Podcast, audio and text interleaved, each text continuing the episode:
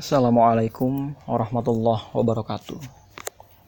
Rekan-rekan sekalian, saat ini kita akan masuk ya kepada pembahasan yang juga cukup menarik yang jarang dibahas oleh orang juga mengenai perang Badar. Nah, e, mengenai perang Badar ini kali ini saya akan membahas sesuatu yang lebih teknis untuk bisa kita jadikan ibroh yaitu apa sih faktor kekalahan kaum Quraisy pada perang Badar? Rupanya ini menarik ya. Karena saat ini tanpa sadar lembaga dakwah atau gerakan dakwah yang kita bina, gerakan dakwah yang kita ikuti ternyata mengulangi faktor kekalahan orang-orang Quraisy pada perang Badar sehingga ternyata bukannya kita mengulangi kemenangan Rasulullah, kita malah mengulangi kekalahan orang-orang Quraisy. Kita akan kaji eh, pelan-pelan uh, gitu ya. Sumber kajian kita kali ini adalah tiga empat buku Buku yang pertama kita akan sajikan tafsir Ibnu Katsir. Eh, buku yang kedua kita akan sajikan uh, leadership Rasulullah dalam bidang militer itu karya Syed Muhammad Khattab. Dia adalah seorang jenderal dari Irak. Jadi pembahasan dia pembahasan yang berupa pembahasan militer. Buku yang ketiga adalah ketika Rasulullah harus berperang dan Sahih Sirah Nabawiyah ya, Sahih Sirah Nabawiyah saja itu karangan Profesor Dr. As-Salabi. Jadi itu dua buku gitu ya. Dan buku yang ketiga di sini kita akan ambil Sirah Ibnu Hisham sebagai sumber primer kita. Nah, dalam Sirah Ibnu Hisham gitu ya, dan juga ini ditekankan oleh Al-Mubarak Furi dalam kitab sirahnya. Sebetulnya penyebab utama ya yang di, yang ini juga diketengahkan oleh Profesor Dr. Asolabi. Penyebab utama dari semua penyebab kekalahan orang Quraisy terhadap orang-orang Madinah, terhadap orang-orang Islam adalah perbedaan motif ya. Motifnya orang-orang Quraisy itu untuk fasis. Satu untuk membela harga diri mereka. Terus yang kedua untuk fasis untuk melakukan invasi kepada Madinah. Yang kedua motif peperangan gitu ya dari orang-orang muslim. Ini menurut Syed Mahmud Khattab juga e, motif peperangan orang-orang muslim adalah membela agama Allah. Nah ternyata kalau dikaji dari ilmu peperangan alasan yang lebih ideologis lah, yang lebih menentukan arah peperangan. Biasanya orang yang berperang dengan alasan ideologis, bukan dengan alasan dunia, dalam arti dia punya alasan yang kuat untuk berperang dan dia betul-betul dipaksa oleh keadaan untuk berangkat ke medan perang, bukan hanya karena dipaksa orang-orang, tapi betul-betul keadaan memang tidak tidak memberikan yang pilihan lain kecuali untuk berangkat ke medan perang. Biasanya kondisi ideologis itulah, landasan ideologis itulah yang lebih kuat menyebabkan kemenangan dalam pertempuran. Contoh realnya, selain di Perang Badar, yang dekat dengan kita itu adalah ketika pasukan sekutu mengultimatum dan kemudian menginvasi kota Surabaya pada peristiwa resolusi jihad 1949. Apa yang terjadi? Ternyata motif orang-orang Surabaya pada saat itu, motif para santri itu lebih ideologis daripada orang-orang Inggris pada saat itu, ya tentara sekutu. Di sini kalau menurut Syed Mahmud Khattab kalau kita gunakan teori yang sama, ternyata alasan ideologis itu membuat rakyat Surabaya mampu bertahan daripada pasukan Inggris. Bahkan Inggris akhirnya kehilangan jenderal militer terkuat mereka di Asia Pasifik, yaitu Brigjen uh, eh, AWS Malawi. Nah, uh, itu yang pertama. Nah, di sini uh, motif Abu Jahal dan kawan-kawannya itu untuk keluar itu ternyata berbeda dengan motifnya Rasulullah untuk keluar. Ya, mereka itu membela agama Allah, sementara Abu Jahal dan kawan-kawannya itu sebatas membela kehormatan kota Mekah, sebatas membela harga diri mereka, dan sebatas membela uh, teman mereka yang sedang tersandera di jalur dagang. Ini kelihatan dari mana? Motif perang ini kelihatan dari ketika Anas bin Nador itu menarik mundur pasukan Bani Zuhroh Ya, ini kira-kira ya jumlahnya cukup banyak gitu ya.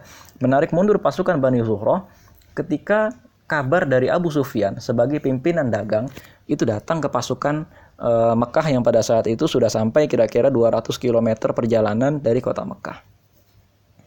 Ya, e, apa kata Anas bin Nador? Eh, apa kata Akhnas bin Shuraik ya pemimpinnya itu Akhnas bin Shuraik. Kami udah nggak punya lagi kepentingan karena toh pasukan dagangnya sudah selamat dan barang-barang kami sudah selamat. Nah, dari sini kelihatan motifnya. Motif Bani Zuhroh pada saat itu untuk keluar berperang itu bukan untuk menghancurkan Rasulullah, bukan untuk semata-mata ideologis, oh kita harus membela Hubal, kita harus membela Lata dan Uzza. Enggak. Ternyata motifnya itu adalah sebatas menjaga kawan mereka, yaitu Abu Sufyan. Makanya akhirnya mereka mundur nih pelan-pelan. Nah, motif ini juga kelihatan dari e, mundurnya sebagian besar Bani Hashim gitu ya pada saat pasukan besar ini berangkat. Bani Hashim itu adalah keluarga intinya Rasulullah, keluarga besarnya Rasulullah. Di antara mereka-mereka yang mundur itu ada Talib bin Abu Talib. Ya. Di antaranya lagi yang mundur ada yang namanya Juhaim. Juhaim itu dari keluarga Al-Muttalib. Itu ya, adiknya dari Bani Hashim. Ya, Tolib itu kakaknya Ali bin Abi Thalib, kakak yang paling tua. Tapi adiknya Akil bin Abi Thalib, tapi masih juga kakaknya Ali bin Abi Thalib, itu uh, ikut berangkat dan akhirnya tertawan. Abbas bin Abdul Muthalib, paman Rasulullah yang juga sudah masuk Islam, saat itu gitu ya, menurut sebagian orang ternyata juga ditawan. Nah, ini jadi kelihatan dari sini motifnya aja udah nggak sama. Dan kemudian uh, perbedaan motif aja itu ya, itu ternyata kelihatan dari ketika di tengah perjalanan, Hakim bin Hizam, Hakim bin Hizam itu keponakan Khadijah yang pada saat itu kan Khadijah sudah meninggal. Hakim bin Hizam itu ingin e, memundurkan pasukan Quraisy agar tidak jadi berperang. Caranya bagaimana? Hakim bin Hizam itu membujuk Utbah bin Rabi'ah. Utbah bin Rabi'ah itu pemimpin pasukan e, Bani Abdu Syams. Bani Abdul Syams itu adalah keluarganya dari Abu Sufyan yang tersandra tadi. Meskipun Abu Sufyan akhirnya berhasil meloloskan diri. Nah, di sini sempat ramai karena apa? Ternyata ternyata Utbah bin Rabi'ah itu pidato. Yuk kita mundurlah dari perang ini. Kenapa? Abu Sufyan sudah selamat. Apalagi kepentingan kita memerangi itu? Toh itu saudara kita. Nah, itu loh kata uh, Utbah bin Rabi'ah. Itu saudara kita. Kalaupun kita perangi, kita membunuh saudara kita sendiri kalaupun Muhammad nanti menang atas bangsa Arab yang lain gitu ya karena memang agamanya itu benar gitu ya menurut uh, Utbah meskipun Utbah itu orang musyrik tapi Utbah tuh tahu bahwa Rasulullah itu agamanya benar ya kalau nanti Muhammad itu menang atas bangsa Arab yang lain kemenangannya juga adalah kemenangan kita karena kita adalah keluarganya nah Utbah bin Rabi'ah itu lebih condong menggunakan jalur-jalur yang sifatnya jalur-jalur ini ya, jalur-jalur diplomatis untuk menghadapi Rasulullah daripada jalur-jalur militer. Nah, jadi perbedaan motif inilah gitu ya yang menyebabkan pasukan muslim saat itu lebih unggul. Nanti kita lihat gitu ya, ketika teman-teman ada di satu lembaga dakwah, kira-kira motifnya ini masih sama atau enggak? Kita motifnya keluar menghadapi musuh, misalnya kita menghadapi pemirah kalau anak-anak BEM kalau anak-anak kami misalnya menghadapi musuh-musuh dakwah di luar sana, menghadapi isu politik dan lain sebagainya. Begitu juga dengan BMSI. Atau kalau LDK misalnya menghadapi orang-orang liberal, feminis dan lain sebagainya. Satu motif nggak kita? Motif kita membela Allah atau bukan? Karena insya Allah nanti kalau kita sudah membela Allah, ya Allah juga yang memberikan kita kemenangan. Nah, musuh itu sudah pasti tahsabuhum jami'a wa qulubuhum syatta. Itu sudah pasti. Mereka itu tampaknya aja kompak, tapi motifnya itu beda-beda. Seperti misalnya ini saya baru-baru inilah gitu ya, eh, terjun lagi lah ke ke bidang advokasi feminisme gitu ya. Orang-orang feminis itu kan tahsabuhum jami'a wa qulubuhum syatta.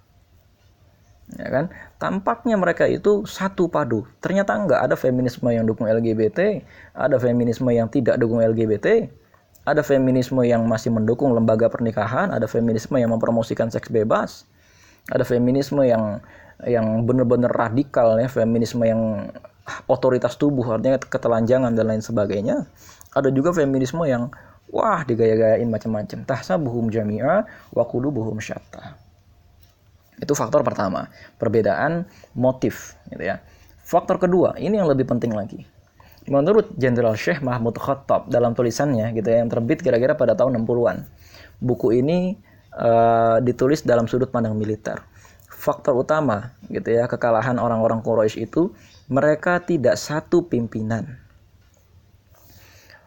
Buktinya begini, sebenarnya informasi perang ini kan e, datangnya itu dari Domdom Al-Ghifari.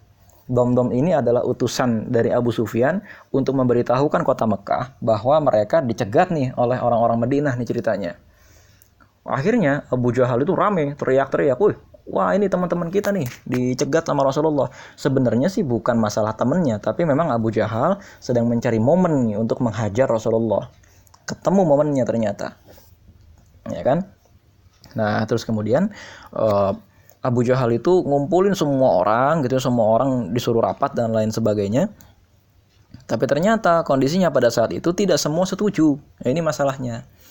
Dan ketidaksetujuan itu disampaikan dengan keras ya ketidaksetujuan itu disampaikan dengan keras dalam arti tadi ya ada kita ketahui Akhnas bin Shuraih kita ketahui lagi uh, seperti misalnya Utbah bin Rabi'ah sendiri. Sudah dua bani gitu ya. Ini dua bani itu artinya dua kekuatan yang cukup besar. Bani Zuhrah dan Bani Abdul Syams itu tidak mau ikut. Tapi kalau Bani Abdul Syams akhirnya tetap mau ikut karena pemimpinnya dipaksa si Utbah bin Rabi'ah ini. Nah, Bani Adi, ya keluarga besarnya Umar bin Khattab yang sebagian besar juga masih musyrik. Bani Adi nggak mau ikut perang, nggak ikut Bani Adi, gitu ya. Nah, uh, ini kan akhirnya pasukan mereka itu tidak solid, tidak satu pimpinan, gitu loh. Dan sistem di kota Mekah itu kan berbani-bani gitu ya, berpartai-partai dalam tanda kutip partainya berdasarkan nasab. Nah, ini masih kita jumpai di Indonesia Timur. Banyak organisasi-organisasi yang berbasis suku. Nah, kira-kira modelnya seperti ini. Ketika mau perang gitu ya, suku-suku ini ngumpul, tapi masalahnya Abu Jahal di situ tidak punya wibawa. Nggak berlaku kiadah wal jundiyah di sana. Semua orang memberikan kritik seakan-akan Abu Jahal itu nggak ngerti gitu loh. Sehingga eh, Ahnas bin Shuraik mundur gitu kan. Nggak solid gitu ya. Utbah bin Rabi'ah hatinya udah nggak di medan perang. Meskipun dia jiwanya sudah ada di medan perang. Apa? Fisiknya sudah di medan perang tapi hatinya tidak di medan perang. Tinggal Abu Jahal sendiri dengan kesombongannya. Dia tetap maju. Nah, dari sini kira-kira bisa kebayang ya bisa kebayang apa sebenarnya yang melatar belakangi kekalahan orang-orang Quraisy dibandingkan kalau kita kita mau bandingin ya di pasukan orang-orang Islam itu mereka betul-betul kompak gitu ya betul-betul kompak Sejak awal mereka keluar dari kota Madinah, 313 orang itu tidak pernah ada yang punya perbedaan pendapat dengan Rasulullah pada urusan-urusan yang vital, kepemimpinan dan lain sebagainya. Ada beberapa perbedaan pendapat, tapi oleh Rasulullah mekanismenya itu syuro. Semuanya didengarkan satu persatu, mereka bertukar pendapat dan tidak ada yang perang urat saraf tuh nggak ada. Nggak ada yang mengancam, ya Rasulullah, kalau kamu tetap e, menjalankan yang begini, begini, begini, saya akan menarik pasukan Ansor. Enggak, enggak begitu Malah uh, Sa'ad bin Mu'az gitu ya. Sa'ad bin Mu'az itu memberikan pendapat yang bagus sekali. Wahai Rasulullah, kata Sa'ad bin Mu'az, ketika musyawarah, oh ternyata pasukannya jumlahnya seribu orang gitu loh. Nah, ketika bermusyawarah, kalau engkau masuk ke dalam laut dan engkau memerintahkan kami juga ikut masuk ke dalam laut bersamamu, maka kami akan ikut engkau, kami akan masuk ke dalam laut itu. Nah, itu kata Sa'ad bin Mu'az, pemimpin orang Ansor. Belum lagi kata Mikdad bin Aswad, Mikdad bin Amr, ya nama aslinya Mikdad bin Amr. Aswad itu nama orang yang merawat dia di perang eh, merawat dia di kota Mekah gitu ya. Uh, kata Mikdad, kami tidak akan mengatakan seperti yang dikatakan oleh Bani Israel. Berangkatlah berperang engkau dengan Tuhanmu, wahai Musa. Kami akan menunggu di sini dan menunggu engkau menang atau kalah, gitu intinya. Jadi kondisi semangat atau kondisi moral kalau bahasa perangnya ya kondisi moral di pasukan Islam itu itu betul-betul kondisi moral yang sangat kuat betul-betul kondisi moral yang betul-betul sangat kompak dan adab-adab musyawarah di sana itu terjaga nggak ada yang ngancam-ngancam ya Rasul kalau kalau Rasulullah begini-begini saya mundur aja deh saya pulang aja deh ya seperti misalnya Utbah bin Rabi'ah dengan Akhnas bin Shuraik tadi yang ngancam pulang kepada Abu Jahal Cuma yang satu Bani Zuhroh itu pulang beneran. Kalau yang Akhnas bin Syuraik nggak jadi pulang, tapi ya jadi beban mental juga. Waduh ini sebenarnya bukan bagian kita nih. Sebenarnya mereka nggak kompak, nggak satu tujuan sama kita. Nggak gitu. Mereka nggak ada yang ngancam pulang. Contohnya lagi adalah ketika Hubab bin Munzir itu tidak setuju atau memberikan uh, pandangan mengenai di mana seharusnya markas ditempatkan Ketika pasukan Rasulullah Shallallahu Alaihi Wasallam itu menempatkan markas di tempat yang jauh dari air, Hubab bin Munzir itu mengatakan, ya Rasul, ini adabnya. Ini perintah Allah atau sebatas strategi perang dari engkau? Rasulullah jujur, enggak ini strategi perang aja dari saya. Oh gitu, ya Rasul saya punya ini nih, saya punya insight, saya punya pandangan, side opinion. Bagaimana kalau kita memindahkan pasukan sedikit ke sana, sedikit ke situ tuh? Karena ternyata di sana ada sumber air dan posisi kita lebih menguntungkan bagi uh, kita. Kalau kita di sini menguntungkan bagi orang Quraisy. Nah, ternyata Rasulullah nurut setelah berbagai pertimbangan, yuk kita pindah. Bandingkan dengan cara Abu Jahal, gitu ya, bandingkan dengan cara Abu Jahal uh, mengatur pasukannya. Udah nggak tertib ya mau jalan aja itu berantem gitu ya. Mau jalan aja itu berantem. Abu Jahal tidak memperhatikan saran-saran yang datang dari orang-orang pada saat itu. Ya, ini contohnya lagi ya misalnya kalau di pasukan Abu Jahal itu ada orang namanya Umayyah bin Khalaf. Umayyah bin Khalaf itu adalah mantan majikan Bilal bin Robah yang menyiksa Bilal bin Robah sampai kulit punggungnya Bilal bin Robah itu terkelupas kata Bilal bin Rabah sampai-sampai api yang memanaskan punggungku itu mati gara-gara tetesan lemak dari punggungku. Nah, jadi bisa kita bayangin siksaannya kayak apa. Uh, Umayyah bin Khalaf itu salah satu pemimpin dari Bani Jumah. Ini Bani yang cukup besar dan kaya. Umayyah bin Khalaf itu nggak mau ikut. Tapi dipaksa sama orang-orangnya Abu Jahal sama Uqbah bin Abi Mu'aid. Dipaksanya gimana? Jadi ceritanya si Uqbah bin Abi Mu'aid ini datang itu membawa wadah parfum tapi untuk perempuan. Nah, wadah parfum untuk perempuan itu jadi si Uqbah ini datang ke rumahnya Umayyah bin Khalaf. "Eh, gimana kabar lo?" "Baik." Dikasih parfum itu. Plek nih, pakai parfum perempuan gitu loh. Artinya dikatain lo bencong lo gitu loh kalau bahasa kita. Ya. Ini aja sudah menunjukkan mereka itu sebetulnya keluar perang dalam keadaan terpaksa. Dan Abu Jahal tidak mendengarkan masukan-masukan orang. Ini yang repot. Dan apalagi Abu Jahal itu melibatkan gitu ya orang-orang yang pada saat itu sebenarnya sudah Islam atau sebenarnya pada saat itu ada di pihak Rasulullah tapi karena takut aja sama Abu Jahal bukan gara-gara setuju dengan perang itu sementara di pasukan Rasulullah tidak ada yang motif perangnya itu gara-gara takut dipaksa oleh Rasulullah nggak ada di antara pasukan Quraisy itu kan ada empat orang Muslim yang akhirnya meninggal dan kepada mereka Allah menurunkan surat At-Taubah yang intinya mereka-mereka itu orang yang masuk neraka karena uzurnya nggak jelas. Kok malah sampai mereka itu pindah jadi memerangi orang-orang Islam. Katanya mereka itu Islam gimana? Nah, kan gitu. Atau yang kedua, orang-orang yang hatinya ada di pihak Muslim tapi sebenarnya mah belum Islam. Seperti misalnya keluarga besar Bani Hashim pada saat itu termasuk di antaranya Abbas bin Abdul Muthalib, Uqail bin Abdul Muthalib dan lain sebagainya termasuk menantunya Rasulullah Abul As bin Rabi' mereka itu ada di pihak Rasulullah meskipun masih musyrik. Nah dari sini saja itu ada satu bahaya yang muncul. Kalau kita mau menganalisis, sekarang di lembaga dakwah itu barangkali mulai bermunculan fenomena ketika kiada itu memaksakan kepada anak buahnya tanpa memberikan rasa sikoh.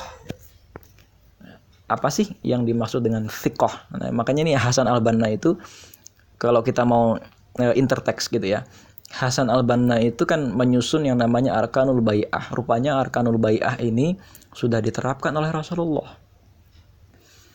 Arkanul Bai'ah yang pertama itu al-fahmu, Arkanul Bai'ah yang terakhir itu adalah fiqh.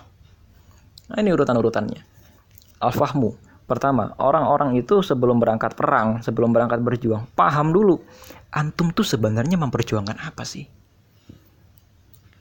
Apa sih yang kita cari? ini tuh apa sih? Oh ini barisan dakwah. Ketidakhadiran antum tuh maknanya apa sih? Kehadiran antum itu maknanya apa sih? Infak antum tuh maknanya apa sih? Faham, al-fahmu. Yang kedua, al-ikhlas. Ikhlas itu maksudnya apa? Antum itu ini semua untuk Allah, bukan untuk ana, bukan untuk antum juga. Bukan untuk yang lain-lain, bukan untuk semata-mata kemenangan dakwah, bukan untuk semata-mata penokohan, bukan untuk semata-mata nyari follower, bukan untuk semata-mata terkenal dan lain sebagainya.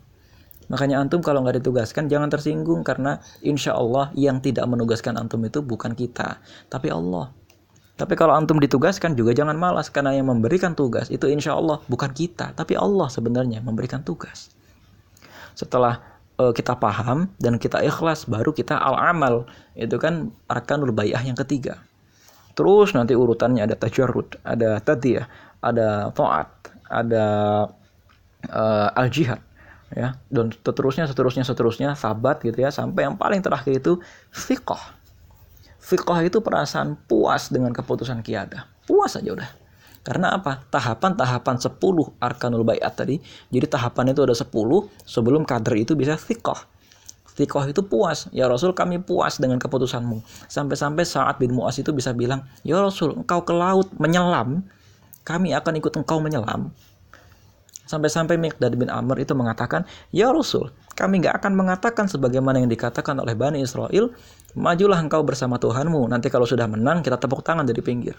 Enggak, tapi kita akan mengatakan, majulah dan kami ikut di belakangmu. Nah ini tampaknya di lembaga dakwah itu. Ya, mulai ada yang memaksakan kehendak tanpa memperhatikan urutan-urutan arkanul bai'ah ini.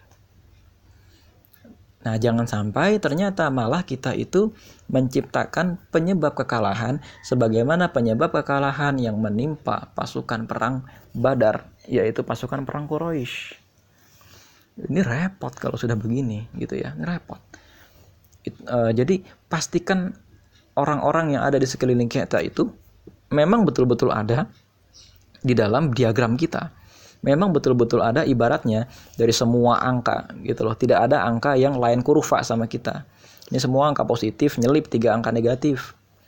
Atau semuanya angka negatif nyelip empat angka positif nih. Nggak boleh begitu. Kita pastikan dulu ada yang kira-kira bimbang, ragu dan lain sebagainya. Temui dia. Ajak ngomong dulu. Antum kenapa? Atau ada uzur apa? Oke oke kalau antum ada uzur kita ganti atau kita selesaikan dulu uzur antum tentu saja dengan bahasa yang baik dan kiadah juga harus memperhatikan adab-adab ketika syuro. Bagaimana cara mendengarkan bawahan, meskipun masukan bawahan itu salah. Ya, e, bagaimana cara mendengarkan masukan bawahan yang ternyata masukan itu krusial. Bayangkan gitu ya, menurut analisis Syed Mahmud Khattab, ternyata salah satu faktor kekalahan orang-orang Quraisy itu adalah e, mereka kehausan. Kenapa mereka kehausan? Ternyata Rasulullah itu menjalankan strategi perang Hubab bin Munzir yang tadi Hubab bin Munzir itu nanya, e, ya Rasul, afwan ya ini apakah dari Allah atau pemikiran engkau saja? Rasulullah jujur, ini ya dari saya aja sih. Berlangsunglah dialog dan kemudian keputusannya adalah oke okay, kita pindahkan pasukan kita ke tempat yang lebih dekat kepada air dan kita blokade sumber air. Nah, ini menarik gitu ya. Itu di antara uh, yang bisa kita pelajari dari tidak samanya uh, alasan perang atau tidak sekatanya orang-orang Quraisy ketika memerangi Rasulullah. Abu Jahal ternyata seakan-akan memimpin, tapi ternyata dia bukan memimpin. Nah, itu faktor yang lain. Nah, sekarang kita akan maju ke faktor yang selanjutnya. Ini juga jarang dibicarakan oleh orang. Yaitu faktor uh, hanya gara-gara hal sepele, ya, yaitu orang-orang Quraisy itu kurang memperhatikan sumber daya atau kurang memperhatikan logistik. Ceritanya, pasukan Quraisy itu agak terlambat sampai ke lembah Badar. Uh, Rasulullah, qadarullah Allah mendatangkan seorang sahabat Rasulullah yang namanya Hubab bin Munzir yang memberikan saran. Sarannya ada banyak. Saran pertama, uh, untuk memindahkan pasukan Islam ke tempat paling dekat dengan mata air dan mata air itu kita buka lagi sehingga kita bikin kolam dan kolam itulah nanti yang akan kita buat untuk memberikan minum 300 orang selama berperang. Dan lembah Badar itu agak subur dan banyak sumur-sumur di sana. Karena kita sampai duluan, bagaimana kalau kita hancurkan sumur-sumur itu, kita tutup dengan tanah sehingga orang-orang Quraisy tidak bisa minum. Ini logistik, ya, faktor logistik. Akhirnya apa? Ketika orang-orang Quraisy itu sampai, perkiraan mereka, nah Badar itu banyak air, ya kan? Salah perhitungan mereka tidak berhemat dan lain sebagainya. Salah perhitungan sudah gitu perjalanan jauh kan Rasulullah perjalanan dekat dari kota Madinah. Sementara mereka dari kota Mekah jauh. Gak ada air untuk memberikan minum seribu orang. Wah ini defisit gitu ibaratnya. Logistiknya nggak ada, makanannya habis. Oke makanan ada, tapi airnya nggak ada. Sedangkan ini mau perang. Krusial sekali. Menurut Syekh Mahmud Khattab. Nah ini kan terjadi kejadian begini gara-gara mereka itu kehausan, itu memaksa mereka sampai kemudian mengirim beberapa orang gitu ya sampai kurang lebih 8 atau 10 orang gitu ya untuk datang ke kolam air yang diciptakan oleh Rasulullah tadi. Itu dihalau lah orang-orang orang muslim. Kenapa akhirnya mereka terpaksa dalam tanda kutip ya maksa untuk ke tempat airnya orang-orang muslim? Karena memang saking nggak ada airnya. Gitu loh. Ini cerita perang Badar yang jarang jarang juga dibuka orang. Ada saat-saat ketika pasukan Quraisy itu mengirimkan beberapa orang untuk mencari air dan nggak ketemu. Sampai-sampai satu-satunya sumber air yang bisa mereka temukan tuh kelihatan di depan tuh. Cuma dijagain sama orang-orang muslim. Sampai nggak tahu malunya mereka itu mengirimkan beberapa orang untuk ngambil air. Nah ini logistik masalahnya. Ya, meskipun oke okay lah orang-orang Muslim kekurangan logistik, ya, tapi mereka itu mengerti mana logistik yang vital untuk perang, mana logistik yang kurang vital untuk perang. Masalahnya simple, orang-orang Quraisy cuma sedikit terlambat aja. Makanya yang namanya disiplin itu penting. Yang namanya kecepatan atau ketepatan strategi ketika berperang itu penting. Nah, rekan-rekan sekalian, ternyata faktor kekalahannya orang Quraisy itu banyak ya. Jumlah itu tidak menjadi jaminan ya ternyata. Nah, jadi faktor yang pertama tadi, mereka tidak satu motif gitu ya, mereka tidak satu ideologi ketika berperang. Cuma pasukan Rasulullah itu satu ideologi.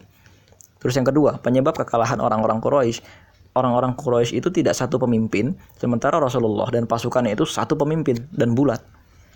Yang ketiga, metode kepemimpinannya. Nah, yang pertama cara uh, yang yang pertama itu uh, lebih ke bentuk kepemimpinannya, yang kedua itu metode kepemimpinannya. Abu Jahal itu tidak memperhatikan sama sekali adab-adab syuro, tidak memperhatikan sama sekali adab menerima dan memberikan masukan. Sementara Rasulullah lain betul. Adabnya terjaga dan lain sebagainya. Faktor yang terakhir adalah ini faktor logistik. Inilah di antara mengapa orang-orang Quraisy itu kalah padahal jumlahnya lebih banyak. Dan ini ternyata bermanfaat sekali buat gerakan dakwah kita. Ya, ketika ada orang-orang yang mulai kayaknya nggak gini deh. Udah kalau antum begitu terus kita mundur deh kita nggak sanggup nemenin antum dan lain sebagainya. Perkataan inilah yang menyebabkan pasukan Quraisy itu kalah secara mental. Allah Assalamualaikum warahmatullahi wabarakatuh.